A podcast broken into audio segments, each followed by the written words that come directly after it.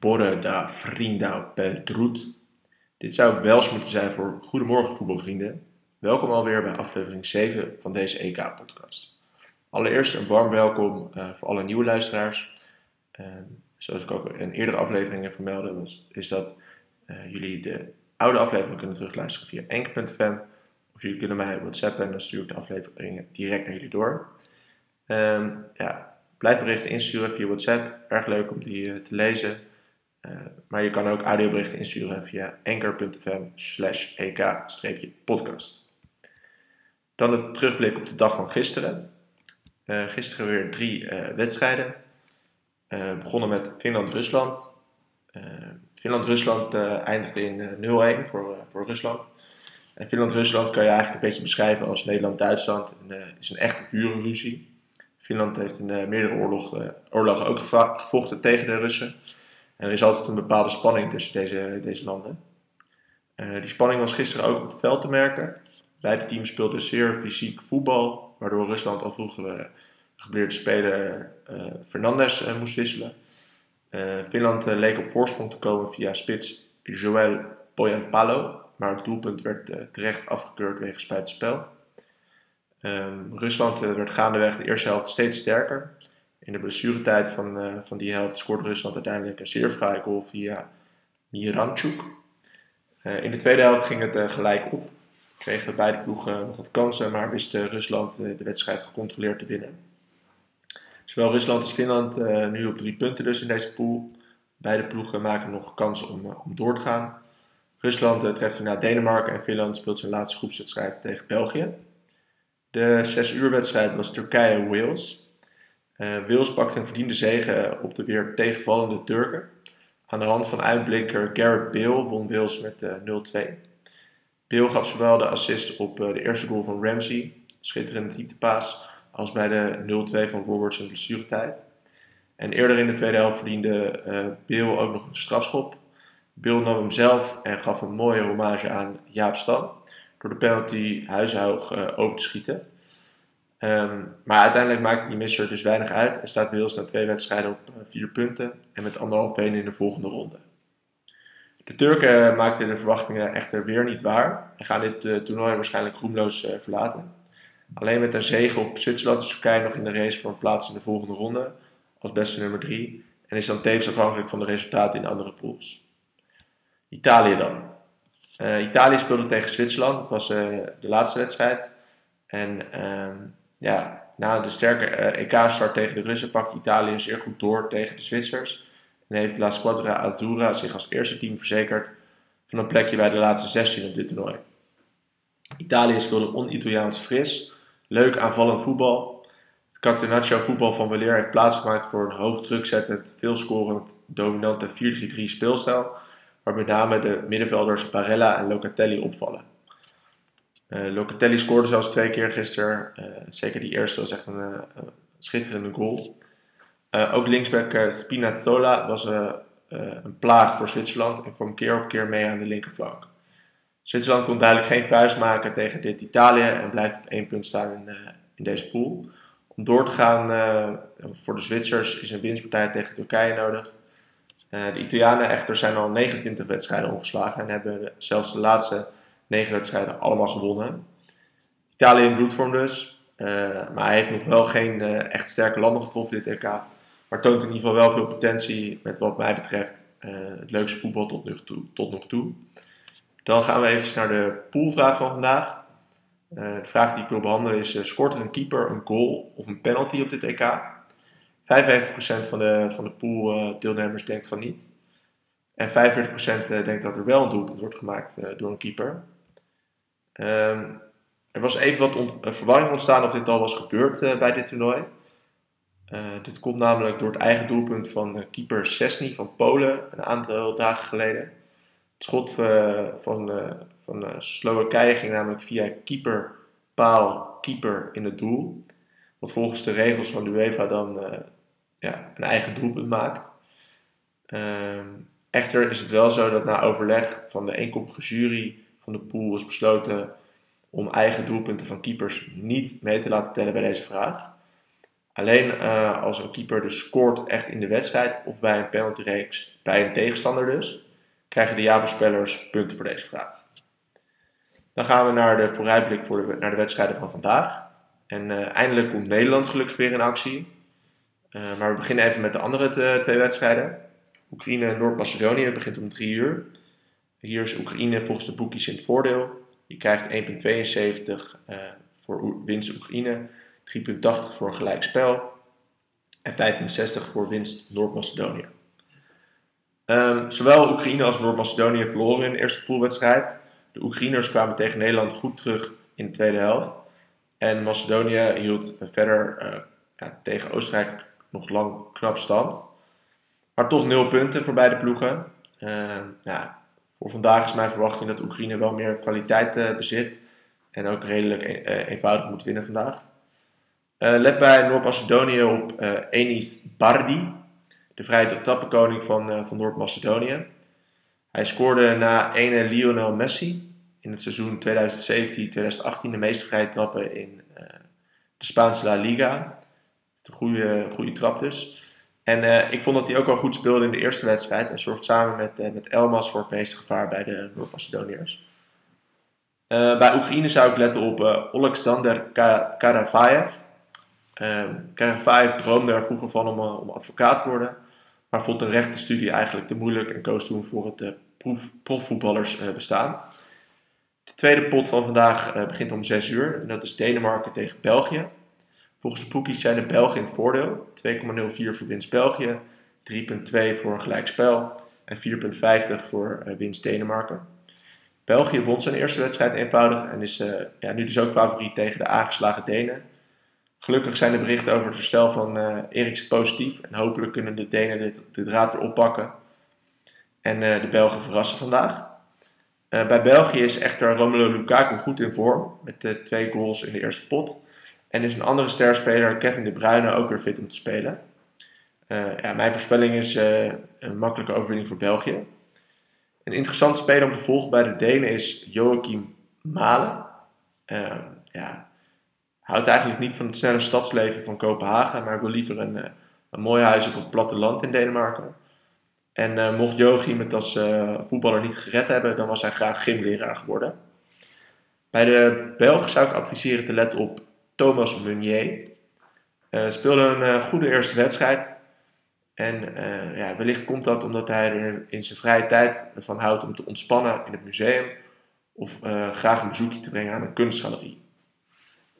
Meunier's favoriete kunstwerk is De Volharding der Herinnering van Salvador Dali.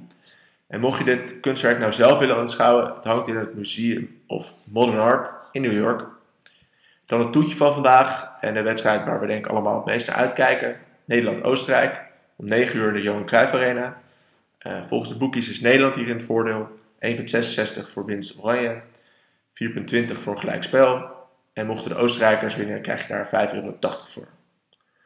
Uh, het toetje van vandaag is dus Nederlands elftal tegen Oostenrijk. Uh, zowel Nederland als uh, Oostenrijk wonnen hun eerste groepswedstrijd en ontmoeten elkaar vandaag in Amsterdam. Nederland uh, speelt een goede wedstrijd uh, tegen Oekraïne uh, afgelopen zondag. Ehm, en ja, daar is ook toch weer een speler die toen niet speelde, nu weer terug van de blessure. Dat is namelijk Matthijs de Licht. Um, hij komt waarschijnlijk dan in de plaats voor de vandaag 20 jaar geworden Jurien Timber. Nog van harte gefeliciteerd Jurien met, met je verjaardag. Ik hoop dat je een mooie dag hebt.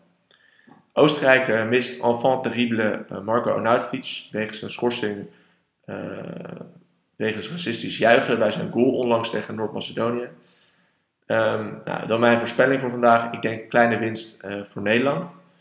Oostenrijk is ploeg, maar ik vond ze ook weer niet zo geweldig tegen Noord-Macedonië. Uh, nou, hopelijk kan Nederland de goede reeks voortzetten en ja, pakken we gewoon lekker die drie punten. Um, nou, let vandaag vooral bij Nederland op derde keeper Marco Bizot. Uh, namelijk uh, naast keeper bij AZ eh, en bankwarmhouder bij Oranje. Was hij jarenlang mentor voor een Eritrese vluchteling en hielp hem met zijn administratie. Nou, zoals net al benoemd, bij de Oostenrijkers zou ik letten op Marco Arnautovic. Hij speelt helaas niet vanwege zijn schorsing. Maar wellicht zit hij op de tribune of wellicht dronken in de skybox. Uh, heeft namelijk zijn eigen alcohollijn ontwikkeld. Een uh, dubbel uh, Magnum Flash Gin kost maar liefst 224,25 euro volgens zijn webshop. ja, wat mij betreft heeft een koop, koopje. Dus ja, ik ben benieuwd of hij, of hij dat vandaag ook gaat laten zien. Dus of we misschien wat promotie gaan zien vanuit het stadion. Of, ik ben eigenlijk benieuwd überhaupt of hij er zit. Maar ja, we gaan het zien. Ik zal een link naar zijn webshop delen in de show notes. Nou, als extraatje vandaag stuur ik ook nog een, een poll mee. Waarin ik uh, graag jullie voorspelling van deze wedstrijd voor, voor vandaag hoor. Dat kan je doen uh, via de Google-formulier wat ik straks uh, meestuur.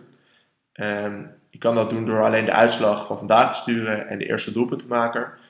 Maar je mag ook een wat langere creatieve voorspelling doen. De beste en leukste inzendingen die, ja, worden morgen in de podcast behandeld. En jullie kunnen de bijgevoegde poll tot vanavond uh, eh, 9 uur uh, invullen. Nou, dan gaan we naar de vraag van vandaag. Ik heb veel vragen binnengekregen, dank daarvoor. Blijf ze ook vooral insturen. de eerste vraag is van Tom de Kruijf en daar gaan we even naar luisteren. Oké, okay, Diet, hier komen de vragen. De eerste vraag is: ik wil graag weten bij hoeveel kaarten spelers geschorst worden en of dat na de poolfase of die kaarten worden weg, weggekrast. Goeie vraag, goede vraag. En ook of dat na de halve finale bijvoorbeeld weer het geval is. Ik wil even weten, hoe zit dat nou met de kaarten en schorsing? Vraag nummer twee is, wat is vaak de kans dat een wereldkampioen die instroomt uit EK wint of eigenlijk eruit gaat? Met andere woorden, is er ooit een WK-kampioen geweest die het EK ook heeft geprolongeerd? Volgens mij alleen Spanje, maar ik weet niet hoe dat met de rest van de geschiedenis zit. Goeie vraag, goede vraag. Dankjewel, dankjewel. En vraag drie, als je kijkt naar de Europese kampioenen, is het vaak een team dat meer offensief voetbal speelt of defensief? Met andere woorden, als je kijkt naar de Europese kampioenen, loont dan offensief of defensief voetbal? Goeie vraag, goeie vraag. Dankjewel, dankjewel. Dit waren ze. Ik heb even de reglementen erbij gepakt. Um, een speler is uh, automatisch geschorst voor de volgende wedstrijd bij onderstaande overtredingen.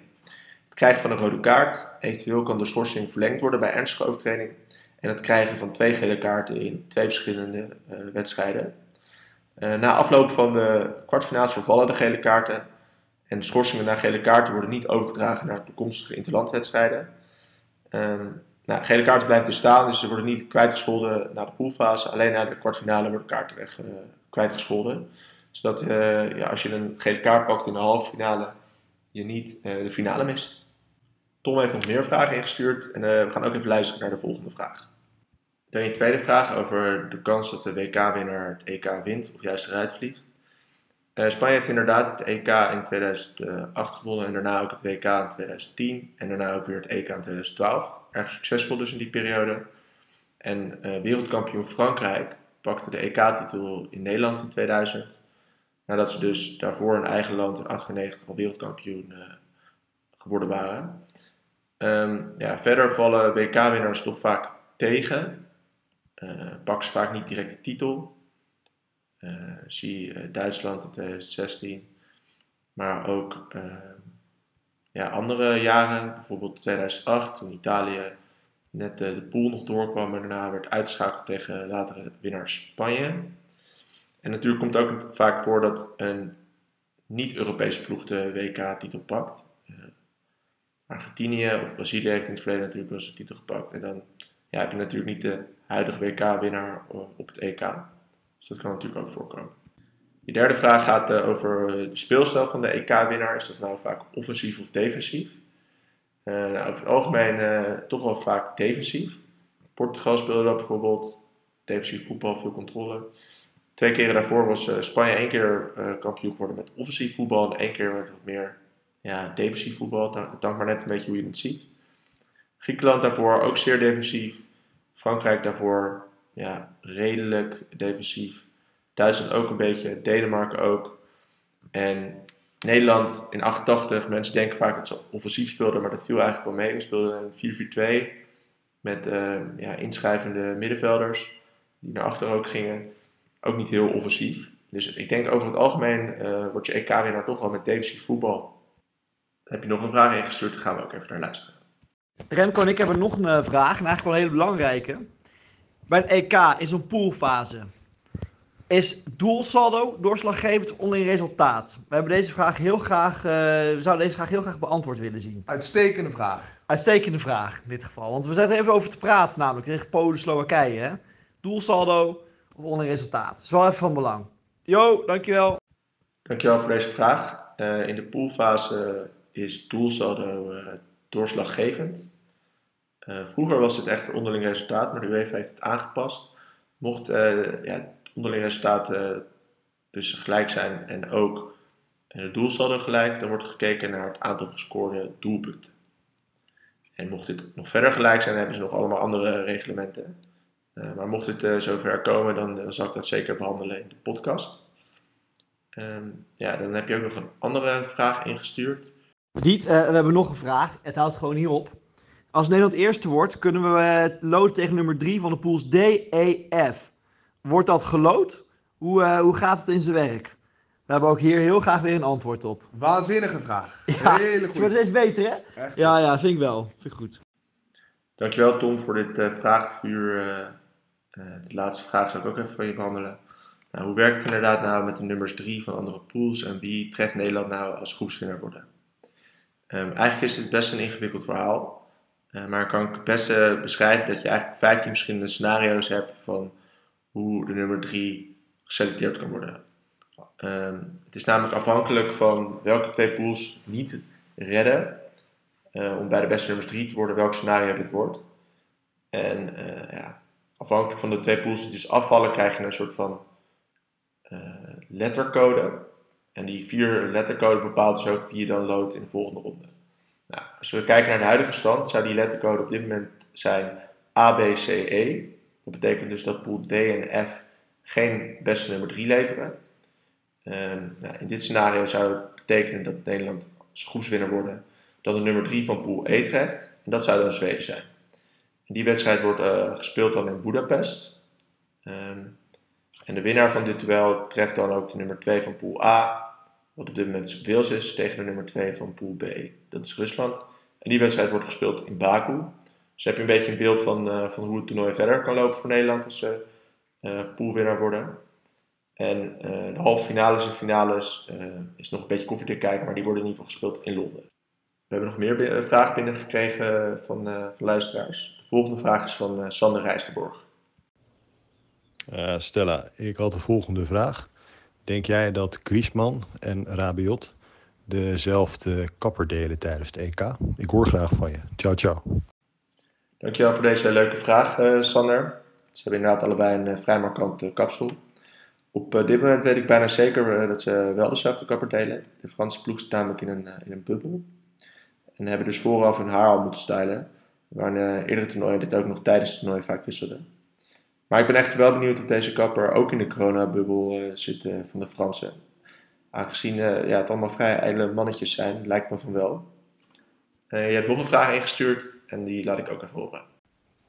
Ik was vandaag even een potje golven in België. En ik vroeg me opeens af hoeveel spelers uit de Belgische selectie een middelbare schooldiploma hebben. Ja, helaas heb ik hier niet al te veel informatie over kunnen vinden. Ehm, wel weet ik dat Romelu Lukaku zeven talen spreekt. mede dankzij zijn opleiding toerisme.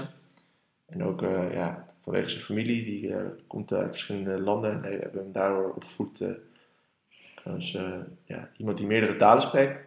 Verder heeft Jan Vertongen zijn middelbare schooldiploma in Nederland behaald, heb ik kunnen vinden. En heeft voormalig Belgisch international Vincent Compagnie zelfs een MBA gehaald in, in Manchester.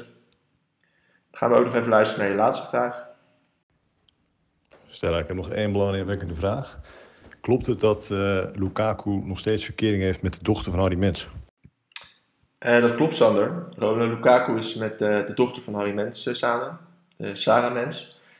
En naar verluid hebben ze zelfs een, een, kind samen. Het schijnt wel dat dit een beetje een knipperlichte relatie is. Dus of het op dit moment echt aan is, durf ik niet te zeggen. dat komt mede ook omdat Romelu niet erg open is over zijn relatie. Maar ja, het klopt inderdaad dat Lukaku met de dochter van Harry Mens samen is. Ik heb uh, ja, voor, uh, voor de mensen die nieuwsgierig zijn ook nog eventjes een foto toegevoegd van, uh, van Sarah in de show notes. dankjewel voor het insturen van alle vragen. Blijf het vooral doen. Erg leuk om het allemaal uit te zoeken en om ze met jullie te delen in de podcast. Gaan we nu door naar de feitjes. Uh, feitje 1 betreft namelijk over de aanwezigheid van, uh, van Nederland en België op uh, EK's. Dit EK is namelijk pas het derde toernooi waar zowel Nederland als België tegelijkertijd actief is. De twee toernooien hiervoor waren het toernooi in 2000, toen beide landen als gastland automatisch geplaatst waren. En daarvoor bij het EK in 1980 in Italië. Het tweede feitje gaat over de tegenstander van vandaag, Oostenrijk. Um, Oostenrijk heeft namelijk het record van oudste doelpuntenmaker bij het EK ooit. Bij het EK van 2008 uh, in eigen land scoorde Ivica Vastic een penalty voor Oostenrijk uh, tegen Polen. Dit was tevens het eerste doelpunt van Oostenrijk ooit op een EK. Ivica was op dat moment 38 jaar en 257 dagen oud. En Vastic is op dit moment trainer van het onder 18 team van Austria Wien. Dan gaan we door met de WAG slash map van de dag. Uh, de WAG van de dag komt uh, vandaag uit Engeland. Maar is uh, samen met de Belgisch international Thomas Vermalen. ik heb het over niemand minder dan Polly Parsons. En Polly ja, is een tv-presentatrice en presenteert programma's als Fun Song Factory, Genie in the House en Tunatic op de Engelse televisie. Ze is sinds 2017 uh, eh, getrouwd met uh, Vermalen en woont nu in het prachtige Japan met hun zoontjes Raf en Ace. Ik zal haar Instagram delen in de show notes. Nou dan gaan we nu over naar het laatste onderdeel, de tip van de dag. mijn tip voor vandaag is, ja, ga lekker kijken naar Buitenbeeld TV. Buitenbeeld TV is weer begonnen sinds een paar weken. Misschien bij sommigen van jullie wel bekend. Uh, het is een, het concept dat een Amsterdamse bij de hand uh, cameraman op gekke feestjes komt, de huisuitbeurs en andere markante locaties aanwezig is. Stelt vaak ludieke vragen aan, aan onwetende voorbijgangers. Dat levert vaak komische tafereelen op. En ja, van de nieuwe filmpjes, met name die van, van Koningsdag 2021 in, in het Amsterdamse Vondelpark, de moeite waard. En uh, ja, buiten beeld TV gaat uh, uh, dit jaar ook de supporters van Oranje volgen tijdens het EK. Ik zal de link naar de, het YouTube kanaal in de show notes zetten. Nou, dan sluiten we af met ja, nog een ander tippie. Het is vandaag natuurlijk warm, dus drink genoeg. En als je het echt heel warm hebt, pak een lekkere koude douche vanavond om af te koelen. Dan wens ik jullie allemaal een fijne voetbaldag vandaag. Laten we hopen dat Nederland weer, weer een lekker potje speelt. Eh, tegen Oostenrijk drie uh, belangrijke puntjes even uh, pakt. En dan, dan spreken jullie morgen weer in de podcast. Ciao!